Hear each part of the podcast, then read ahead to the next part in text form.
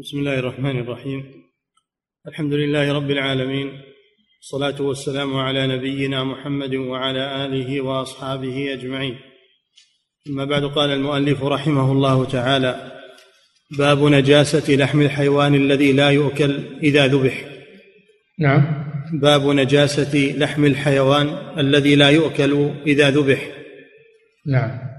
عن سلمة بن الأكوع رضي الله عنه قال لما امسى اليوم الذي فتحت عليهم فيه خيبر أوقدوا نيرانا كثيرة. فقال رسول الله صلى الله عليه وسلم ما هذه النار؟ على أي شيء توقدون؟ قالوا على لحم. قال على أي لحم؟ قالوا على لحم الحمر الإنسية. فقال أهريقوها واكسروها. فقال رجل يا رسول الله أو نهريقها ونغسلها؟ فقال أو ذاك. وفي لفظ فقال اغسلوا. وعن أنس رضي الله عنه قال أصبنا من لحوم الحمر يعني يوم خيبر فنادى منادي رسول الله صلى الله عليه وسلم إن الله ورسوله ينهاكم عن أكل لحوم الحمر فإنها رجس أو نجس. متفق عليه. بسم الله الرحمن الرحيم.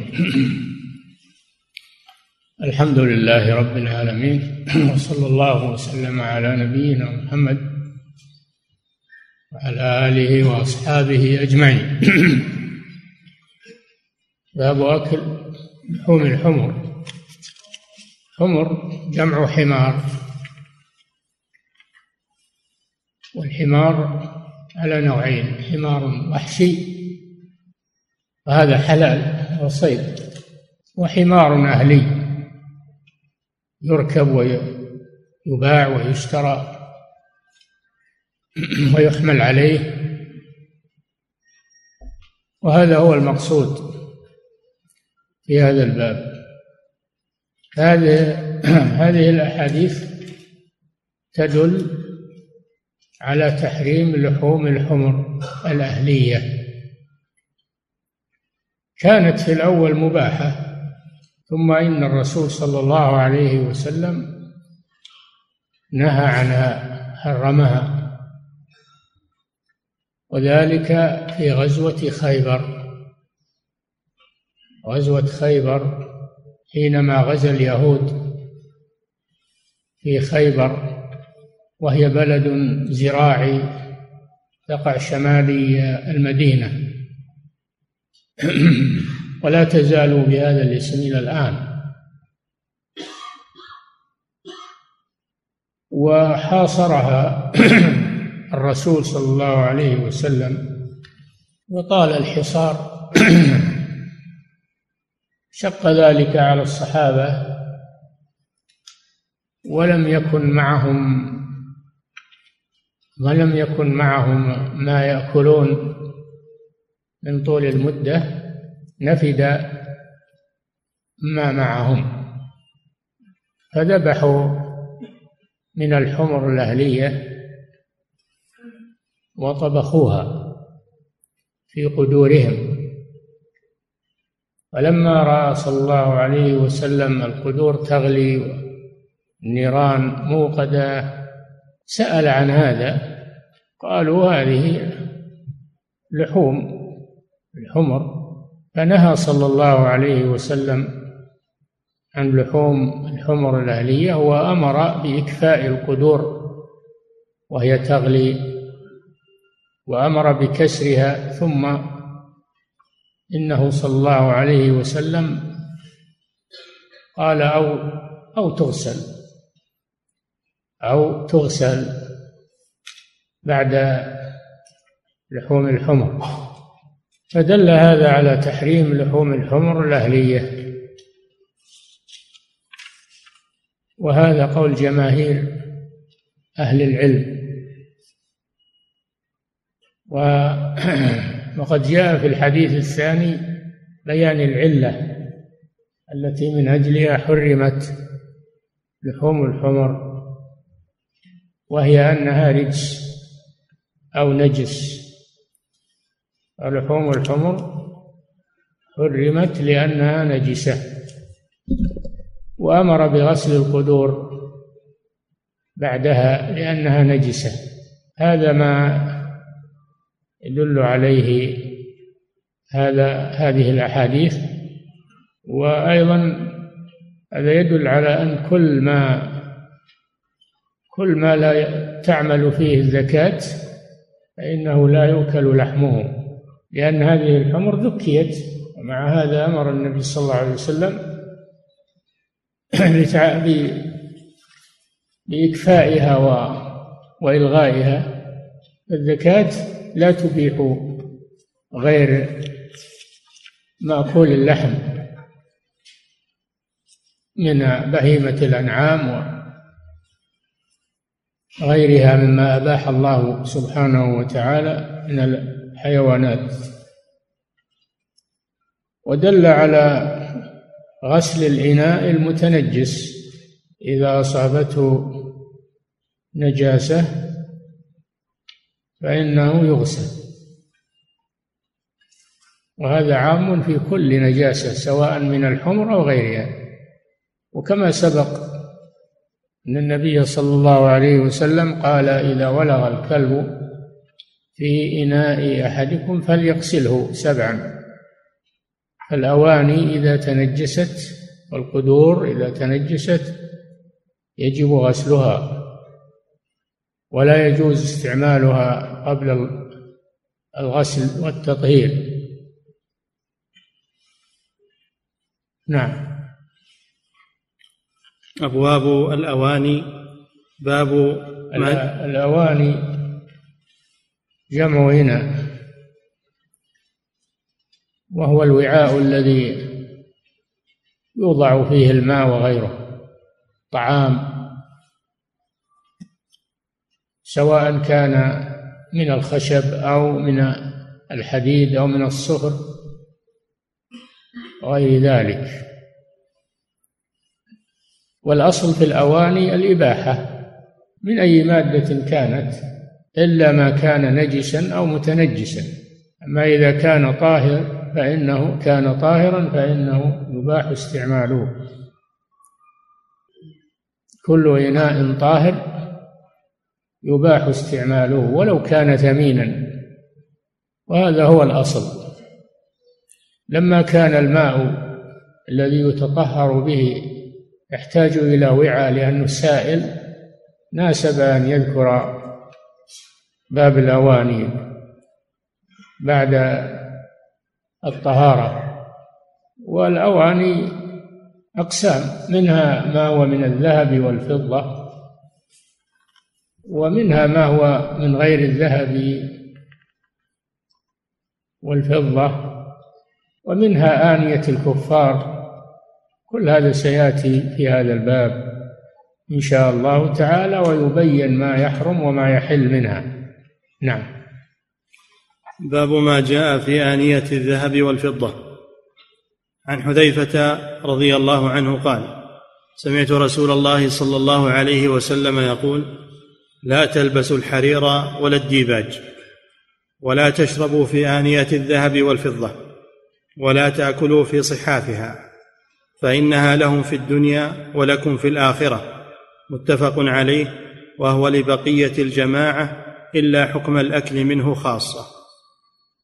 وعن أم سلمة نعم. هذا الحديث في بيان تحريم استعمال آنية الذهب والفضة واقتنائها. هذان المعدنان المعروفان الذهب والفضة. فلا يجوز استعمال الأواني المصنوعة منهما أو الأواني التي فيها شيء من الذهب والفضة. ولهذا قال صلى الله عليه وسلم لا تأكلوا في آنية الذهب والفضة. لا تشربوا في آنية الذهب والفضة ولا ولا تأكلوا في صحافهما. فإنها لا فإنها لهم للكفار الكفار يستبيحونها. فإنها لهم في الدنيا. ولكم أيها المسلمون في الآخرة لأن أواني الجنة من الذهب والفضة وكيسانها وأكوابها طاف عليهم بصحاف من ذهب وأكواب يعني وأكواب من من الذهب. هذا معنى قوله صلى الله عليه وسلم لكم في الآخرة. أي للمسلمين. أما الكفار فيحرمون منها في الآخرة لأنهم في النار والعياذ بالله. والذهب والفضة أواني الذهب والفضة إنما هي في الجنة. فهم يحرمون منها في الآخرة جزاء لهم على استباحتهم ما حرم الله عز وجل في هذه الدنيا. فإنها لهم وليس معنى ذلك أنها مباحة لهم.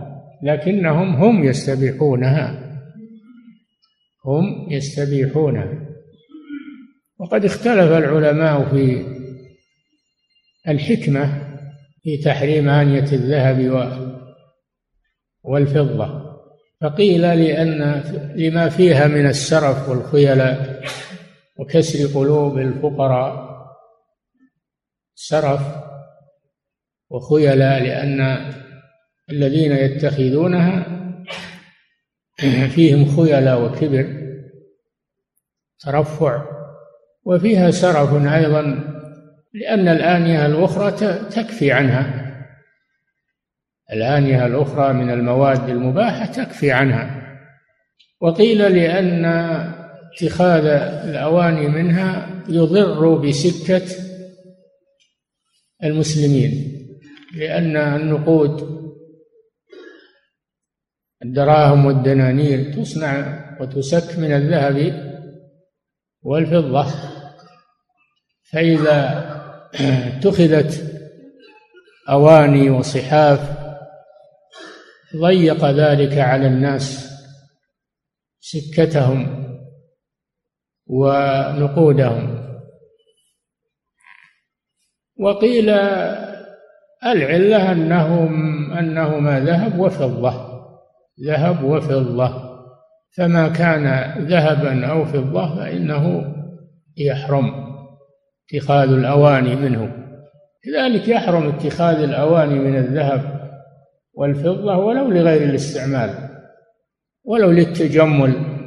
ووضعها في المجالس أو في البيوت للتجمل بها.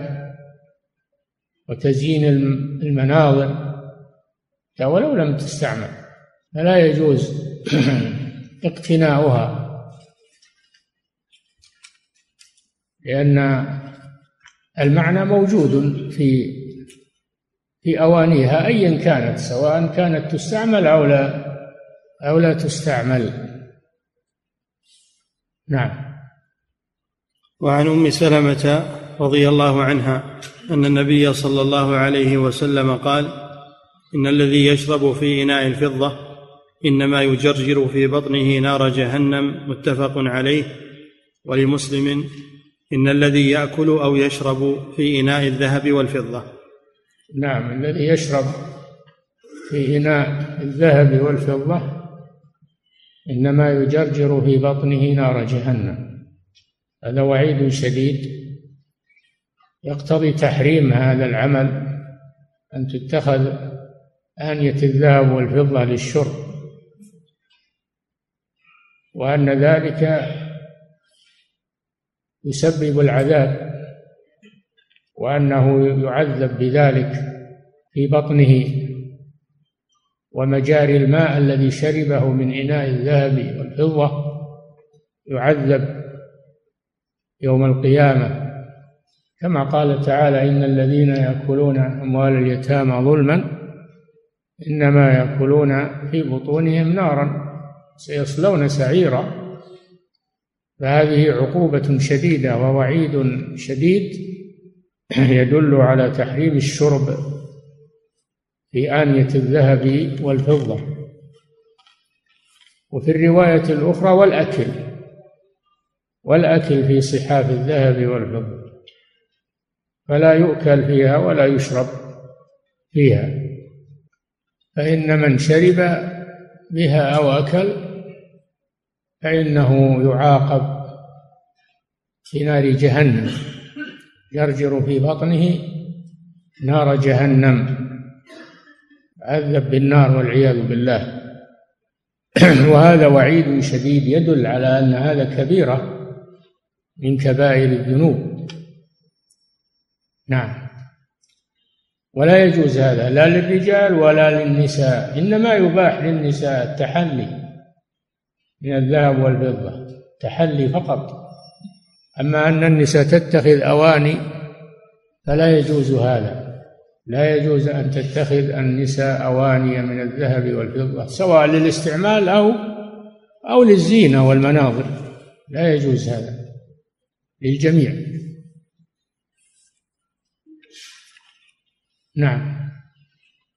وعن عائشة رضي الله عنها عن النبي صلى الله عليه وسلم قال في الذي يشرب في إناء فضة كأنما يجرجر في بطنه نارا. رواه أحمد وابن ماجه. كأنما كأنما يجرجر هو يشرب ماء ما يشرب نار لكنه كأنما يجرجر في بطنه نارا بأن بمعنى أنه يستحق العذاب بما شرب واستعمل لآنية الفضة. نعم. وعن البراء بن عازب رضي الله عنه قال نهانا رسول الله صلى الله عليه وسلم عن الشرب في الفضة فإنه من شرب فيها في الدنيا لم يشرب فيها في الآخرة. مختصر من مسلم. نعم.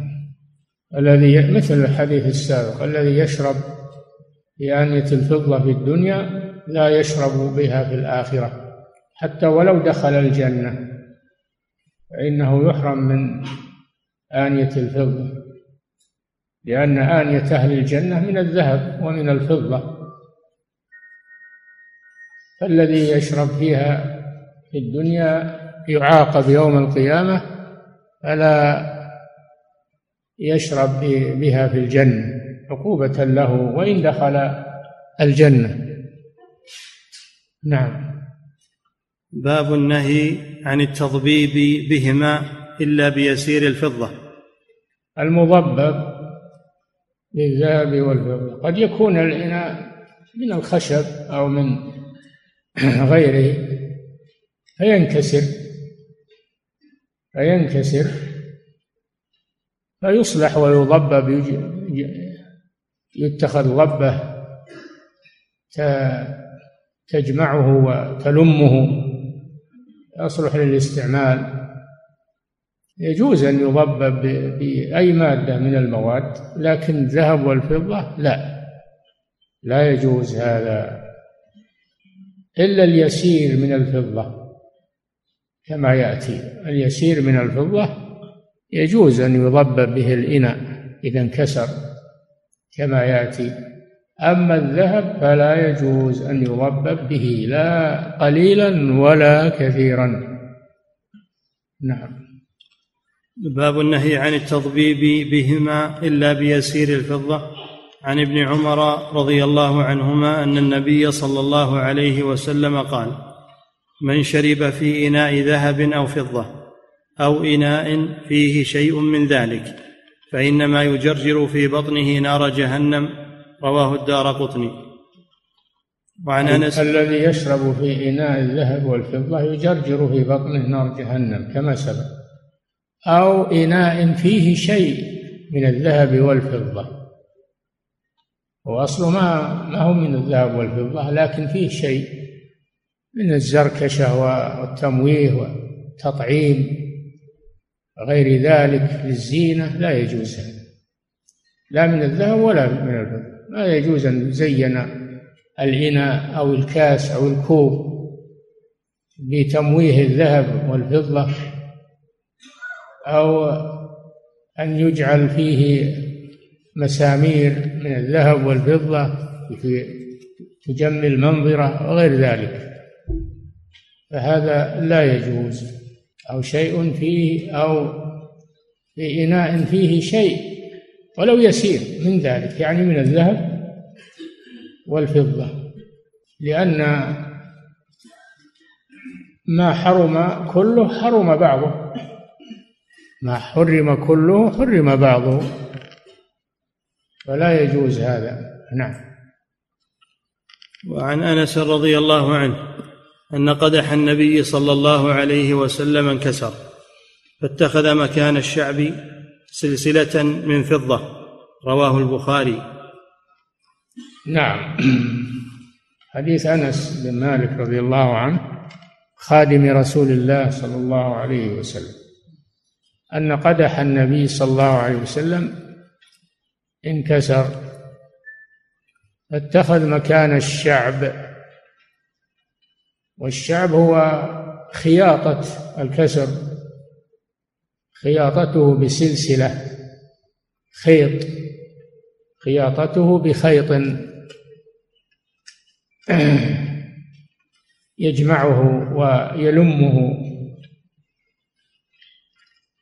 فإذا كان هذا الخيط من من الذهب فإنه لا يجوز بتاتا. وإذا كان هذا الخيط الذي يشعب به والشعب هو الخياطة. الذي يشعب به الإناء من الفضة للحاجة فلا بأس. للحاجة لا للزينة. وإنما هو للحاجة. والدليل على ذلك أن قدح النبي صلى الله عليه وسلم انكسر. اتخذ صلى الله عليه وسلم مكان الشعب سلسلة من الفضة يعني خيط من الفضة. هذا للحاجة وليس للزينة والقصد منه إصلاح الإناء وليس تزيين الإناء. نعم. ولأحمد عن عاصم الأحول قال رأيت عند أنس قدح النبي صلى الله عليه وسلم فيه ضبة فضة. نعم. هذا يدل على ما سبق أن إصلاح المنكسر من الأواني بالضبة من الفضة أو الشعب من الفضة الخياطة خياطة الكسر من الفضة أنه لا بأس به من أجل الحاجة لئلا يهدر الإناء ويضيع ولم يتخذ هذا للزينة وبقي هذا الإناء بعد وفاة النبي صلى الله عليه وسلم عند خادمه أنس بن مالك رضي الله عنه. نعم. باب الرخصة في آنية الصفر ونحوها.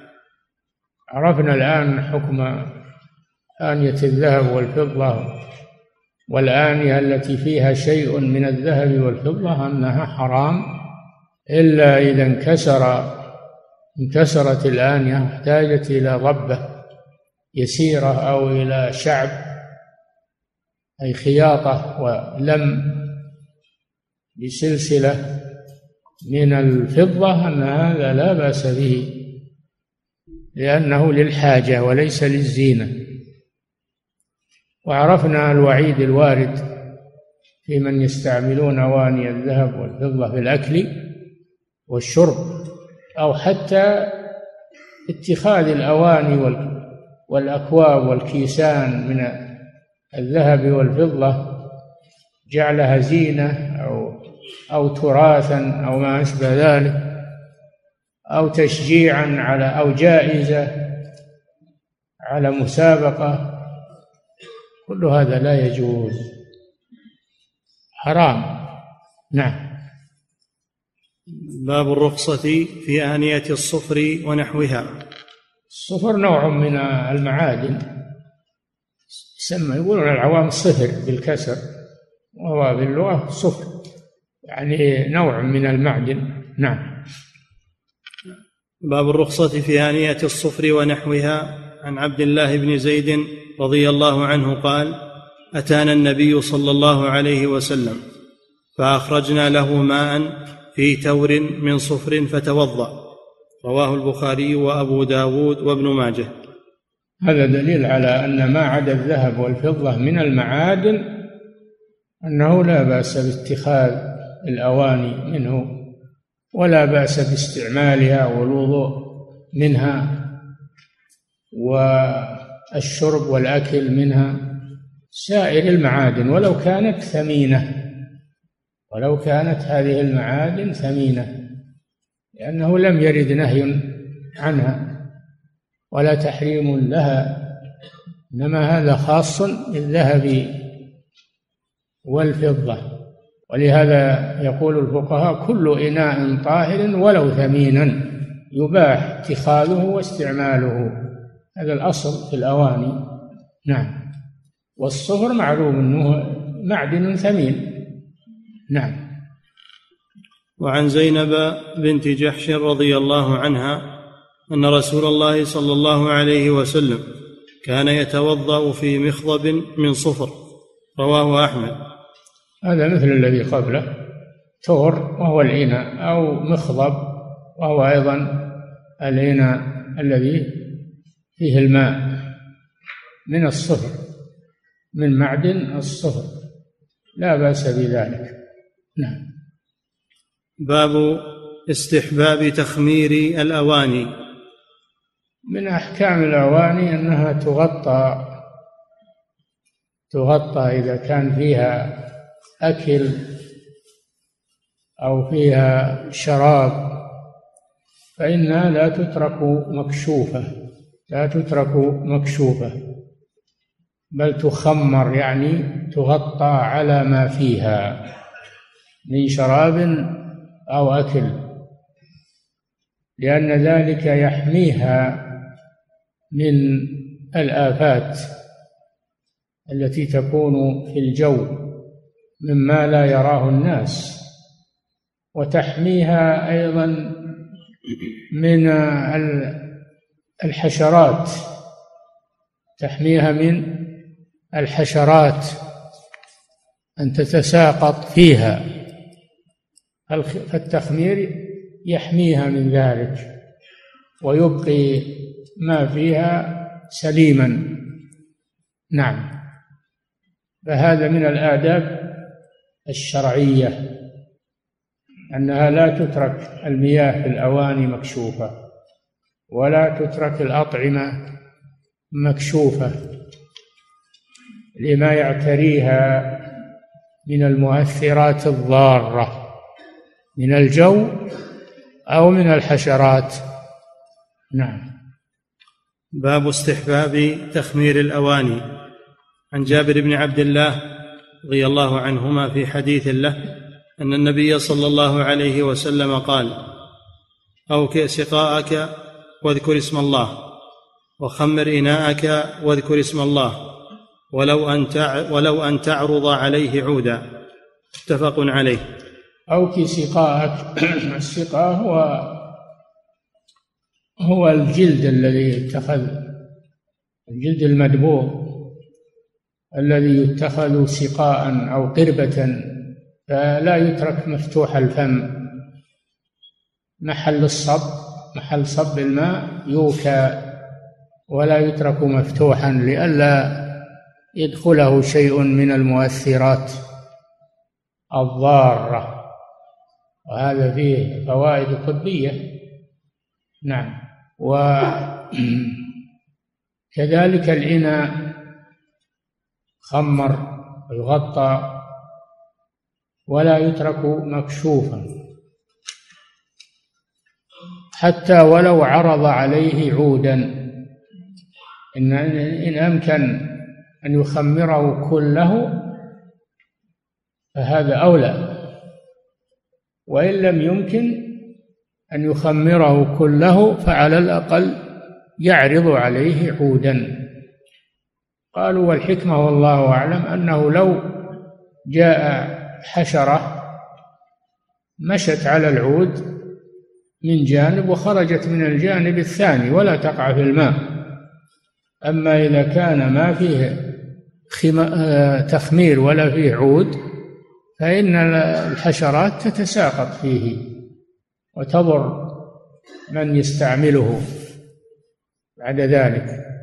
ودين الإسلام جاء بالنظافة من ناحية وهذا فيه نظافة. وجاء أيضا بالمحافظة على الصحة وهذا فيه محافظة على الصحة من السميات والأشياء الضارة. نعم. ولمسلم أن رسول الله صلى الله عليه وسلم قال غطوا الإناء وأوكئوا السقاء فإن في السنة ليلة ينزل فيها وباء. وفي الحديث أيضا الذي سبق أنه يسمي الله عندما يخمر الإناء أو يوكي السقاء لأن اسم الله يطرد الشيطان فلا يتلاعب في هذا العنى أو يحل هذا الوكاء أو يزيل هذا الخمار الذي على الغطاء على الإناء. يطرد الشيطان ذكر الله سبحانه وتعالى. فهذا فيه استعمال الموانع المعنوية وهي الذكر والموانع الحسية وهي التخمير للأواني. نعم. ولمسلم أن رسول الله صلى الله عليه وسلم قال غطوا الإناء واوكيوا السقاء فإن في السنة ليلة ينزل فيها وباء لا يمر بإناء ليس عليه غطاء أو سقاء لا يمر بإناء ليس عليه غطاء أو سقاء ليس عليه وكاء إلا نزل فيه من ذلك الوباء. نعم هذا من المؤثرات الجوية التي تكون في الجو. وذلك أنه كما أخبر النبي صلى الله عليه وسلم والصادق المصدوق ينزل في السنة أو في يوم من السنة ولا يدرى أي أي يوم هذا. لا يعلم أي يوم علشان أننا في هذا اليوم تحرز يحتمل في كل يوم كل ليلة. فينزل من السماء وباء. الله على كل شيء قدير. فإذا صادف الإناء مكشوفا أو الوكاء أو السقاء آه، غير موكى فإنه يصيب يفسد هذا الماء يخالطه فيضر من شربه. هذا بيان للحكمة التي من أجلها أمر النبي صلى الله عليه وسلم بإيكاء الأسقية وتخمير الأواني. نعم. باب آنية الكفار. آنية الكفار التي يستعملونها. آنية الكفار التي يستعملونها إذا استولينا عليها إما بالجهاد أو بالصلح أو غير ذلك. فإن الأصل فيها الطهارة. الأصل فيها الطهارة. والكافر كما سبق طاهر البدن لأن الآدمي طاهر. طاهر البدن وكونه يلامس الماء أو لا يؤثر في الماء مثل المسلم. إلا إذا رأيناهم يستعملونها في نجاسة كالخمر خنزير فهنا لا تستعمل حتى تغسل. نعم. باب آنية الكفار عن جابر بن عبد الله قال كنا نغزو مع رسول الله صلى الله عليه وسلم فنصيب من آن فنصيب من آنية المشركين وأسقيتهم فنستمتع بها ولا يعيب ذلك عليهم. رواه أحمد وأبو داود. كان الصحابة يغزون مع رسول الله صلى الله عليه وسلم الكفار الجهاد في سبيل الله لأن الله أمرنا بالجهاد في سبيله قتال الكفار إذا أبوا الدخول في الإسلام وأبوا الدخول في العهد والذمة بذل الجزية فإذا أبوا هذا وهذا فإنهم يقاتلون دفعا لشرهم لأننا لو لم, لو لم نقاتلهم قاتلونا ولا يزالون يقاتلونكم حتى يردوكم عن دينكم إن استطاعوا. لا يكفهم عنا إلا أحد أمرين إما الإسلام الدخول في الإسلام ويكونون إخوانا لنا وإما العهد والذمة التي تعقد التي تعقد معهم. فإذا أبوا هذا وهذا تعين قتالهم إذا كان المسلمين قوة على قتالهم ويكون هذا مع ولي الأمر. نغزو مع رسول الله. يكون الغزو والجهاد مع ولي الأمر تحت راية ولي الأمر. لا يكون الجهاد والغزو بدون الرجوع إلى ولي الأمر لأن هذا يلزم منه الفوضى ويلزم منه أضرار على المسلمين وأخطار على المسلمين. فلا بد أن يكون الغزو بقيادة ولي الأمر أو من ينيبه أو من ينيبه ولي الأمر. كنا نغزو مع رسول الله صلى الله عليه وسلم فنصيب من آنية الكفار وأسقيتهم ونستعملها في الأكل والشرب ولا يعيب ذلك علينا رسول الله صلى الله عليه وسلم لأن الأصل فيها الطهارة.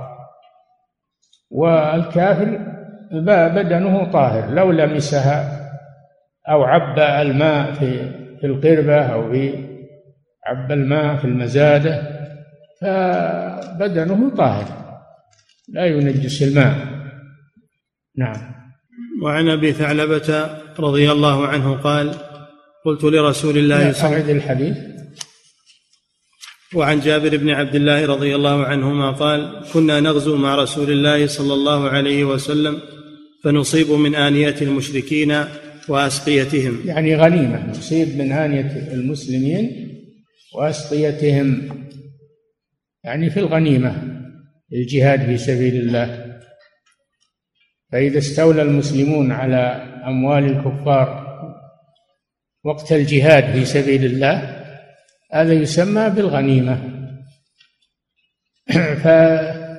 فيتقاسمه يقسمه ولي الأمر أو القائد يقسمه بين المجاهدين على كتاب الله سبحانه وتعالى.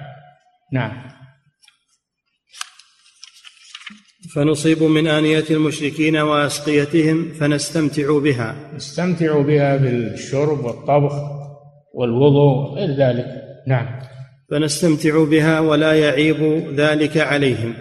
ولا يعيب رسول الله صلى الله صلى الله عليه وسلم ذلك عليهم.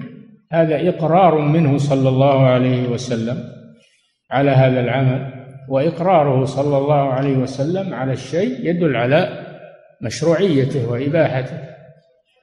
لأن سنة الرسول إما أن تكون قولا أو فعلا أو إقرارا. فهذا من باب الإقرار وهو نوع من السنة والدليل على الإباحة. نعم. وعن أبي ثعلبة رضي الله عنه قال قلت لرسول الله صلى الله عليه وسلم إنا بأرض قوم أهل كتاب أفناكل في آنيتهم؟ قال إن وجدتم غيرها فلا تأكلوا فيها. وإن لم تجدوا فاغسلوها وكلوا فيها. متفق عليه. نعم. ولأحمد وأبي داود إن أرضنا أرض أهل كتاب وإنهم يأكلون لحم الخنزير ويشربون الخمر فكيف نصنع بآنيتهم وقدورهم؟ قال إن لم تجدوا غيرها فارحضوها بالماء واطبخوا فيها واشربوا. وللترمذي قال سئل رسول الله صلى الله عليه وسلم عن قدور المجوس فقال أنقوها غسلا واطبخوا فيها. نعم آنية الكفار عموما سواء كانوا من المشركين أو من المجوس الذين يعبدون النار. الأصل فيها الإباحة. الأصل فيها الإباحة. كما سبق أنه يراهم يستعملونها ويستمتعون بها ولا ينكر عليهم. إلا إذا كان هناك شبهة. إذا كان هناك شبهة في استعمالهم لها في غير ما أباح الله. لأنهم يأكلون لحم الخنزير ويشربون الخمر. وأرض أرض أبي ثعلبة أرض أهل الكتاب لأنهم من أهل الشام. وأهل الشام هي النصارى. وهم يأكلون الخنزير ويشربون الخمر.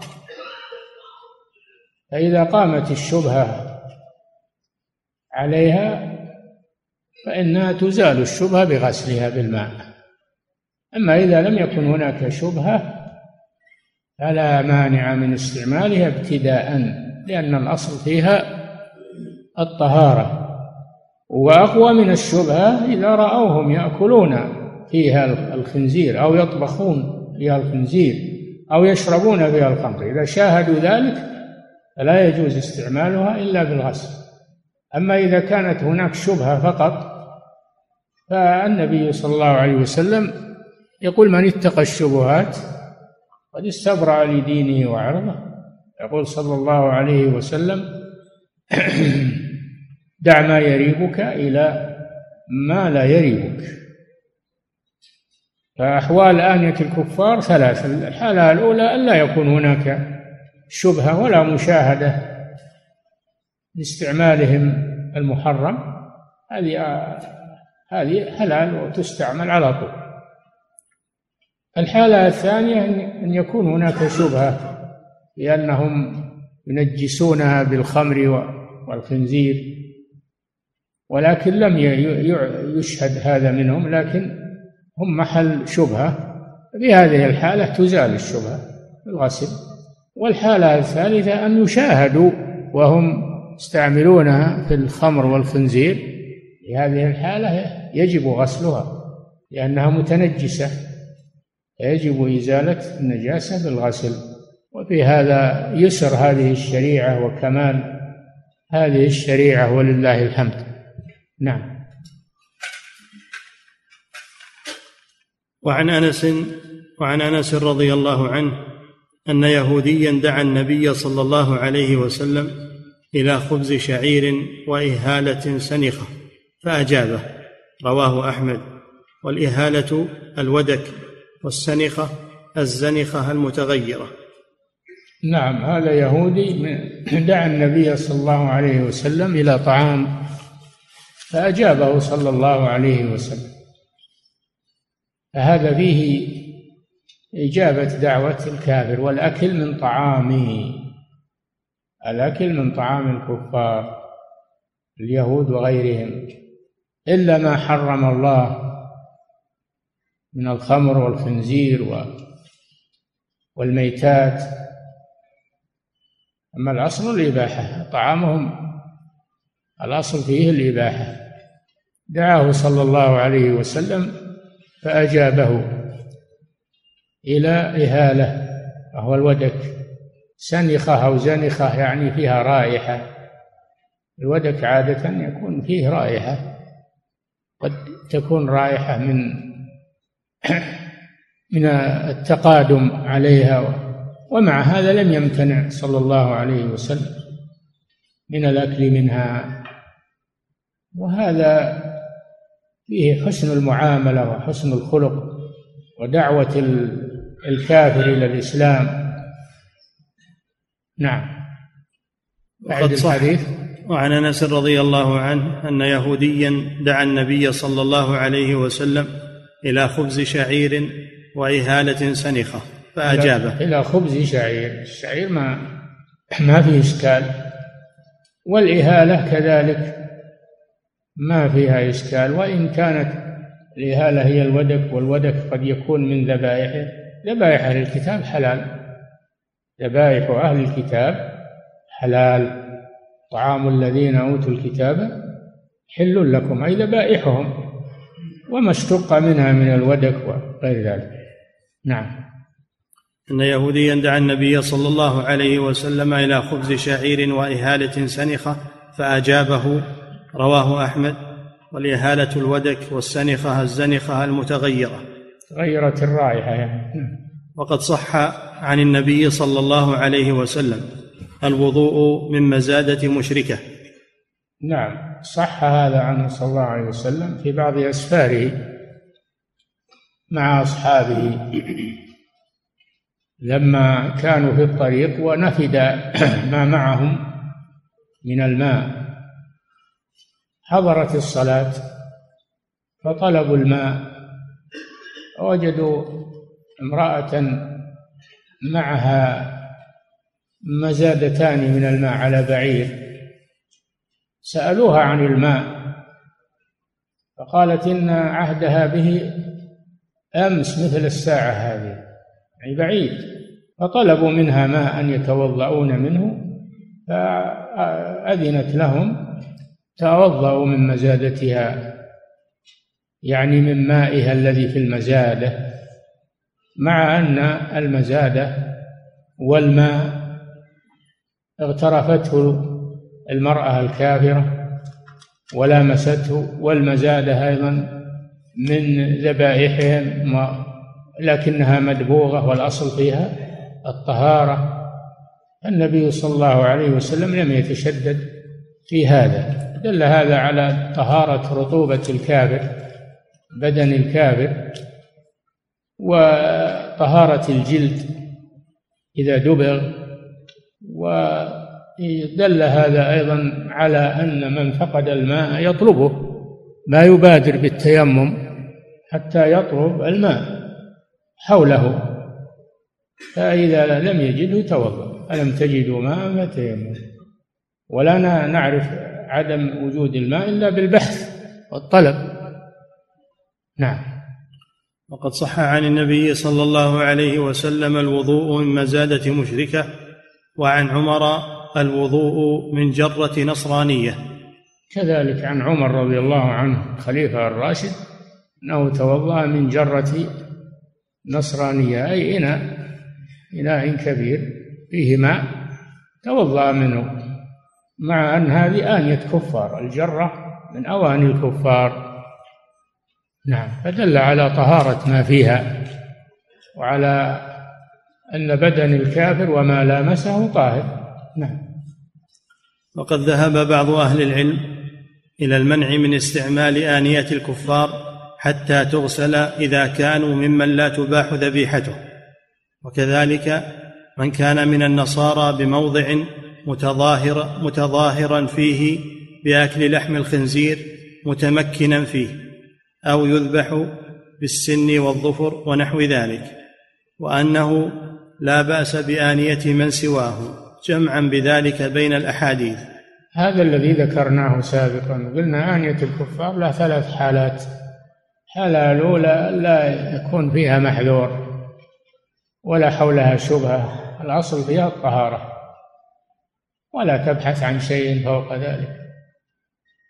ثانيا إذا كان فيه شبهة أنهم معروف أنهم يأكلون الخنزير ويشربون الخمر وأن أوانيهم مظنة ملابسة هذه النجاسات هذه تغسل وتزال الشبهة.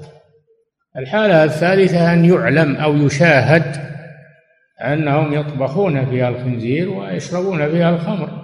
هذه لا يجوز استعمالها إلا بعد الغسل. هذا ما تجتمع فيه الأحاديث.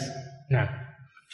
واستحب بعضهم غسل الكل بحديث الحسن بن علي رضي الله عنهما قال حفظت من رسول الله صلى الله عليه وسلم دع ما يريبك إلى ما لا يريبك رواه أحمد والنسائي والترمذي وصححه.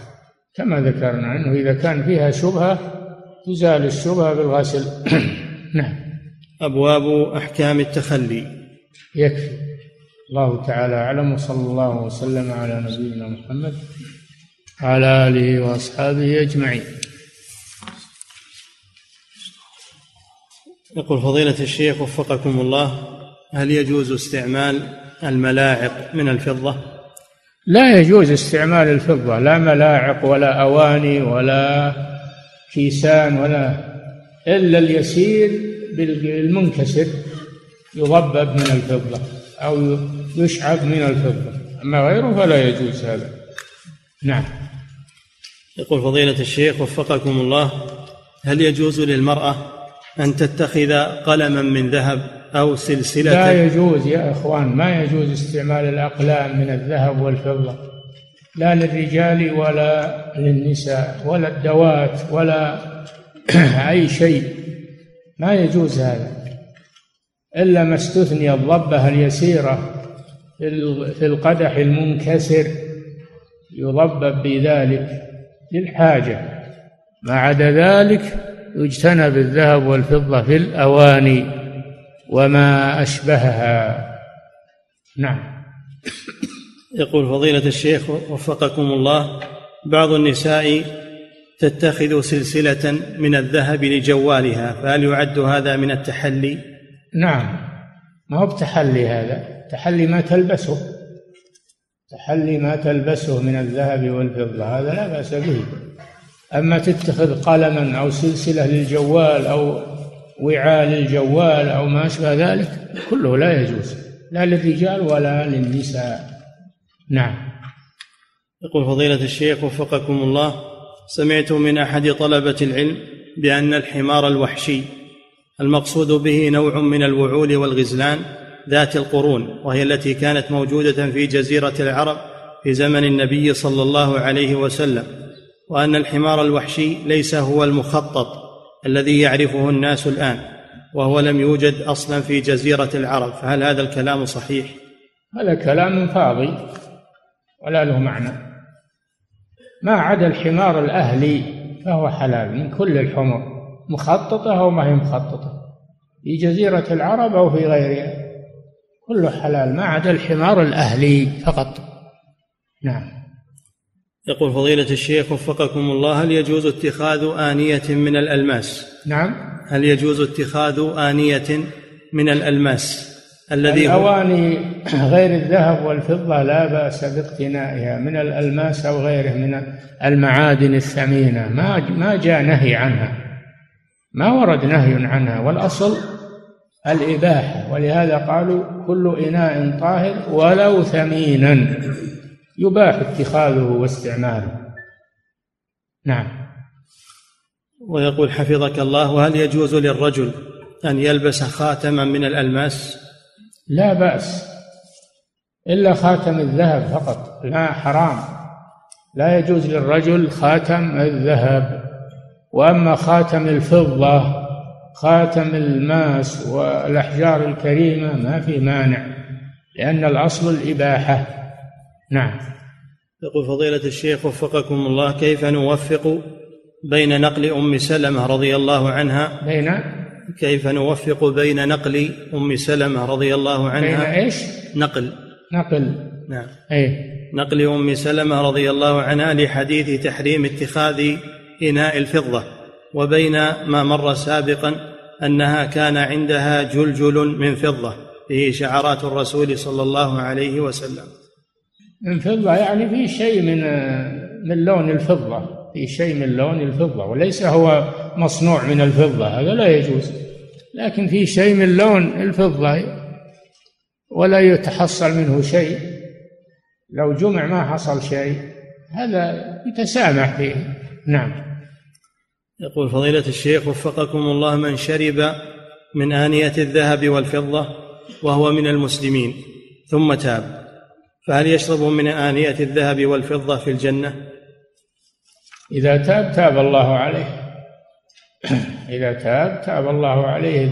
شرب الذهب والفضة هو الكفر والشرك وكل ذنب. نعم.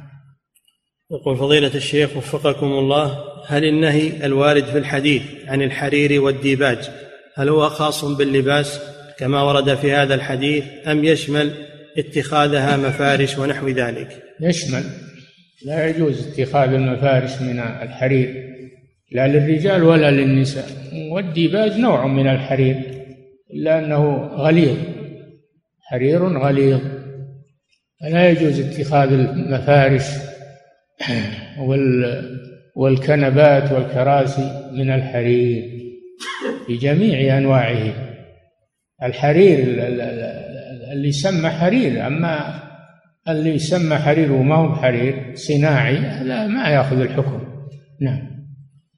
يقول فضيلة الشيخ وفقكم الله الآنية التي ليست من ذهب ولا فضة لكنها مطلية بماء الذهب والفضة أو مموهة بأحدهما هل هي جائزة؟ إذا كان يتحصل منها شيء لو جمع لا تجوز.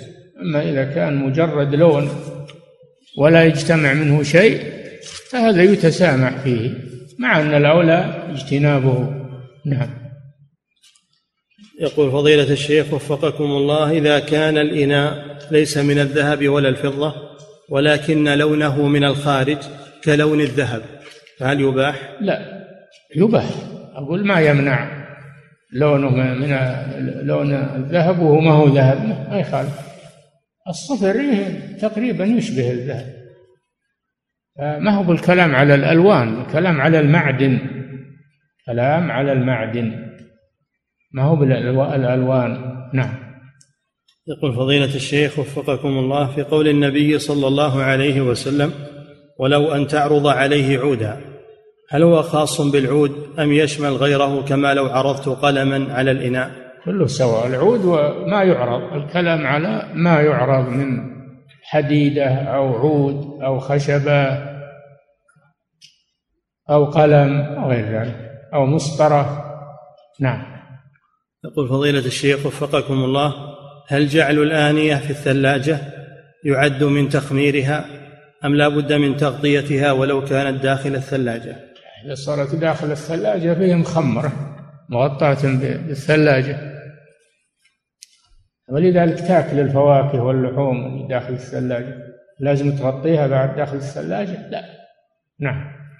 يقول فضيلة مثل لو وضعت اللحم في في إناء و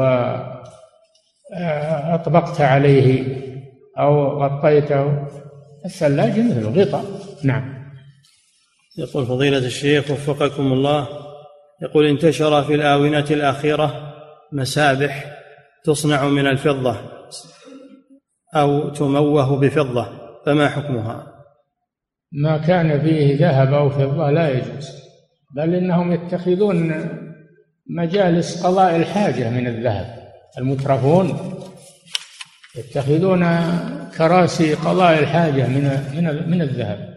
والعياذ بالله هذا لا يجوز. نعم.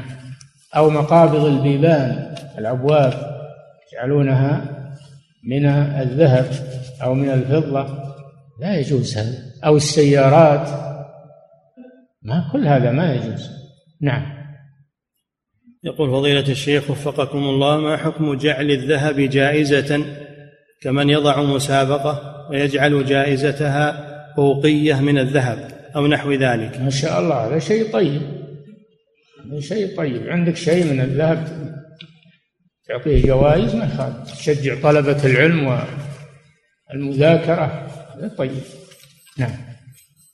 يقول فضيلة الشيخ وفقكم الله ما حكم الشراب الذي وضع في الإناء ثم ترك مكشوفا في الليل؟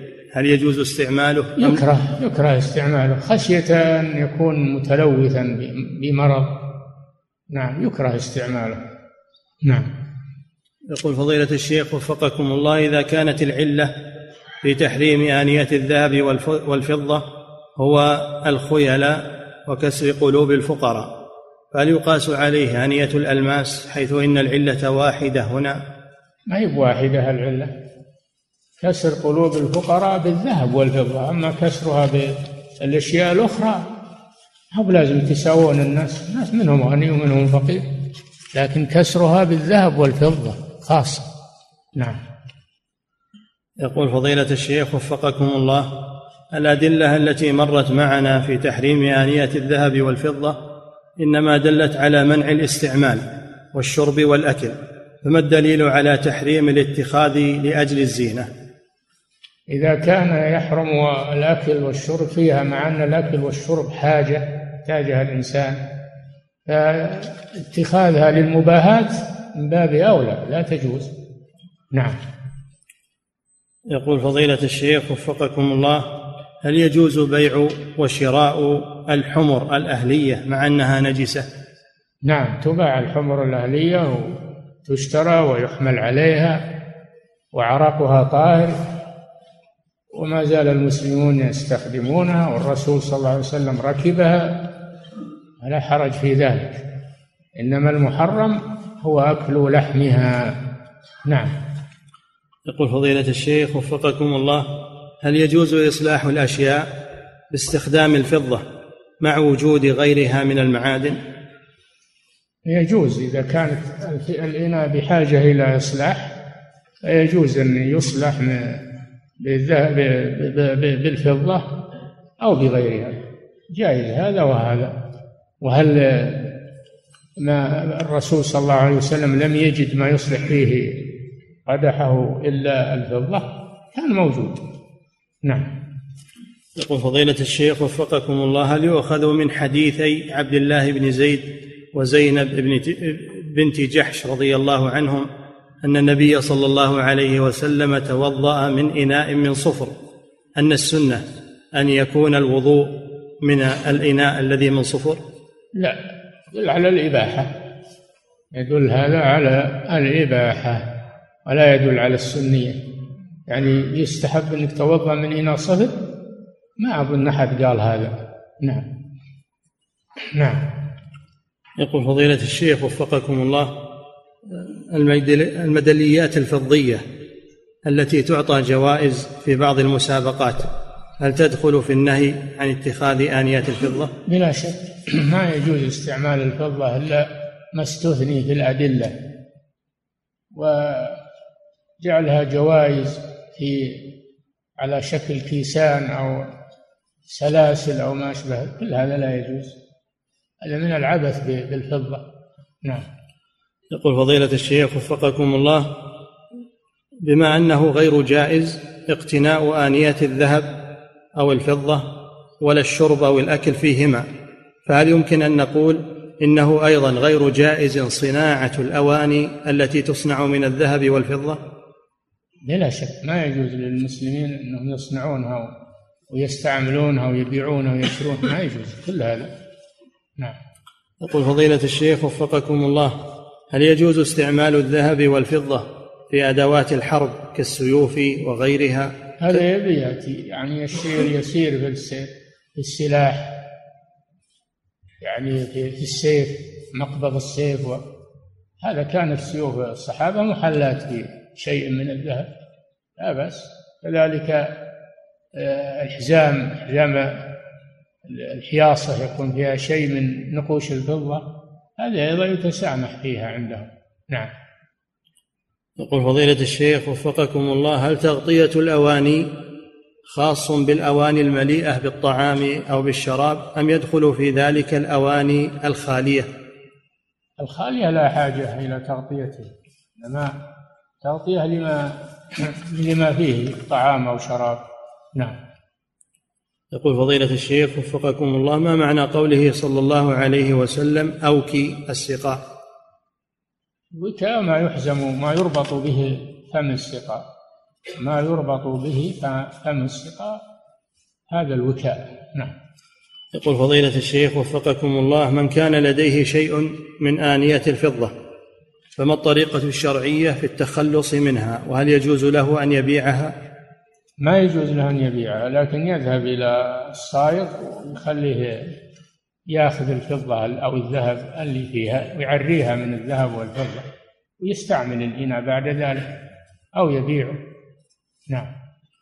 يقول فضيلة الشيخ وفقكم الله هل يجوز استعمال السكين التي رأسها من فضة في الذبح؟ لا ما يجوز. حرم استعمال السكين أو من الذهب أو أو من الفضة لا يجوز هذا. نعم. يقول فضيلة الشيخ وفقكم الله أشكل علي أن من شرب في إناء الذهب لا يشرب فيها ولو دخل الجنة. أشكل علي ذلك حيث إن الجنة فيها ما تشتهيه الأنفس وتلذ الأعين. يحرم من هذا عقوبة له. مثل من شرب الخمر في الدنيا لم يشربها في الآخرة. ما هو معناه أنه يكفر ويكون من أهل النار؟ يدخل الجنة وهو مذنب. تاب الله عليها وعذبه ثم دخل الجنة. يحرم من شرب خمر الجنة الطيب. شرب الخمر الخبيثة في الدنيا فحرم من الخمر الطيبة في الآخرة. عقوبة له. نعم. إلا إذا تاب. إذا تاب من ذلك تاب الله عليه. لكن لو مات وهو يشربها يحرم منها في الآخرة ولو دخل الجنة. نعم. يقول فضيلة الشيخ وفقكم الله هل يجوز أكل جلد ما يؤكل لحمه إذا ذكي قبل الموت؟ هل يجوز أكل جلد ما يؤكل لحمه إذا ذكي قبل موته؟ ذكي قبل موته؟ كيف ما أعرف هذا. نعم. الجلد لا يؤكل. يؤكل اللحم أما الجلد ما حد يأكل الجلد. إلا وقت المجاعة. في المجاعة يأكلون الجلود نعم. يقول فضيلة الشيخ وفقكم الله أخذنا أن البحر حلال ميتته فهل البرك الكبيرة التي توضع فيها الأسماك تأخذ حكم البحر؟ هي جاية من البحر باق عليها حكم البحر لا بأس أصلها من البحر. نعم. يقول فضيلة الشيخ وفقكم الله هل يطهر بالدباغ جلد الكلب أو جلد الخنزير؟ عرفتم هذا قلنا لا ما يطهر ما يطهر ما يطهر جلد الكلب ولا جلد الخنزير بالدباغ لأنه نجس العين ونجس العين لا يمكن تطهيره. نعم. يقول فضيلة الشيخ وفقكم الله يقول أخي عنده مجموعة من الغنم وهو يخاف عليها من السرقة ولذلك جعل ثلاثة من الكلاب للحراسة. وهي جعل تشرب جعل جعل ثلاثة من الكلاب للحراسة وهي تشرب من الماء نفسه الذي تشرب منه الغنم. السؤال ما حكم الماء؟ هل يعد نجسا؟ وما حكم شرب الحليب أو أكل لحم هذه الأغنام؟ الماء الكثير ما يؤثر فيه شراب الكلب. سئل صلى الله عليه وسلم عن الماء يكون في الفلاك وما ينتابه من السباع. فقال لها ما شربت ولنا ما بقي. نعم. إذا كان الماء كثيرا فلا يؤثر فيه نعم. يقول فضيلة الشيخ وفقكم الله لماذا لا يقال إن الأصل هو تحريم آنية الكفار؟ لأن الأصل أنهم يأكلون لحوم الخنزير ما شئت أنت لكن العلماء يقولون لا. الأصل هي الإباحة. وأنت تجيب مذهب جديد؟ رأيك. نعم. يقول فضيلة الشيخ وفقكم الله عندي جار نصراني. نعم. عندي جار نصراني. نعم. فهل يجوز لي أن أدعوه إلى زفافي؟ لا بأس. ما ما يجيكم منه ولا من حسن الجوار أنك تدعوه للأكل والشرب وتدعوه للزفاف. نعم. يقول فضيلة الشيخ وفقكم الله هل يكون تخمير الأواني في ساعات الليل فقط دون ساعات النهار؟ ها؟ هل يكون تخمير الأواني في ساعات الليل فقط دون ساعات النهار؟ ما جاء أنها أنها تخمر في الليل فقط جاء أمر الأمر تخميرها مطلقة. نعم. ما دام فيها شيء يؤكل ولا يشرب تخمر. الليل والنهار. نعم. يقول فضيلة الشيخ وفقكم الله إذا ذهبت إلى بلاد الكفار فهل يجوز لي أن آكل من مطاعمهم؟ بناء على أنهم قد يطبخون الخنزير أو لحما لم يذكر عليه اسم الله. الأصل الإباحة يا أخي. الأصل أن ما طبخوه من الأطعمة الأصل أنه مباح. ما لم تعلم تشاهد شيئا من الحرام فلا. ولا الأصل الإباحة ولا تضيق على نفسك في هذه الأمور. نعم. يقول فضيلة الشيخ وفقكم الله إذا خلط ماء زمزم بماء آخر. فهل يجوز بيعه على أنه زمزم؟ وهل يعتبر هذا الماء أنه زمزم؟ لا هذا غش. إذا خلط ويباع على أنه من زمزم هذا غش ولا يجوز. نعم. يقول فضيلة الشيخ وفقكم الله ما حكم الاشتراك بالمسابقات القرآنية؟ وأخذ المال في حال الفوز بإحدى المراكز الأولى. لا بأس بأخذ الجوائز في المسابقة على حفظ القرآن. يقول ابن القيم رحمه الله لأن هذا يدخل في يدخل في الجهاد في سبيل الله لأن تعلم العلم من الجهاد في سبيل الله. نعم. فكما يجوز على ركوب الخيل وركوب الإبل لأنها تدرب على الجهاد فتعلم العلم النافع هذا من من الجهاد في سبيل الله. نعم. يقول فضيلة الشيخ وفقكم الله إذا سرق حيوان ثم ذبح فما حكم هذه الذبيحة؟ حكمها أنها حرام حكمها أنها حرام لأنها ملك الغير ولا يجوز لك ذبحها إلا بإذنه نعم يقول فضيلة الشيخ وفقكم الله هل من يموت يوم الجمعة يرجى له الخير؟ المسلم يرجى له الخير دائما في متى مات يوم الجمعة أو غيره. ولا أعلم في تخصيص يوم الجمعة دليل. نعم.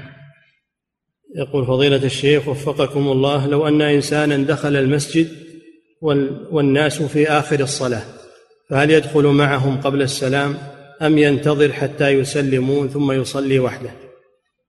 إذا كان يعلم أو يغلب على ظنه أنه سيأتي أناس يصلي معهم ينتظرهم.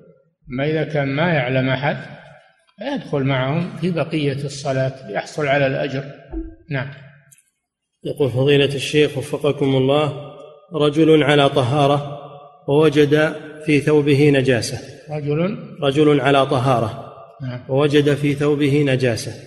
فهل يجوز له أن يقرأ القرآن؟ نعم يقرأ القرآن.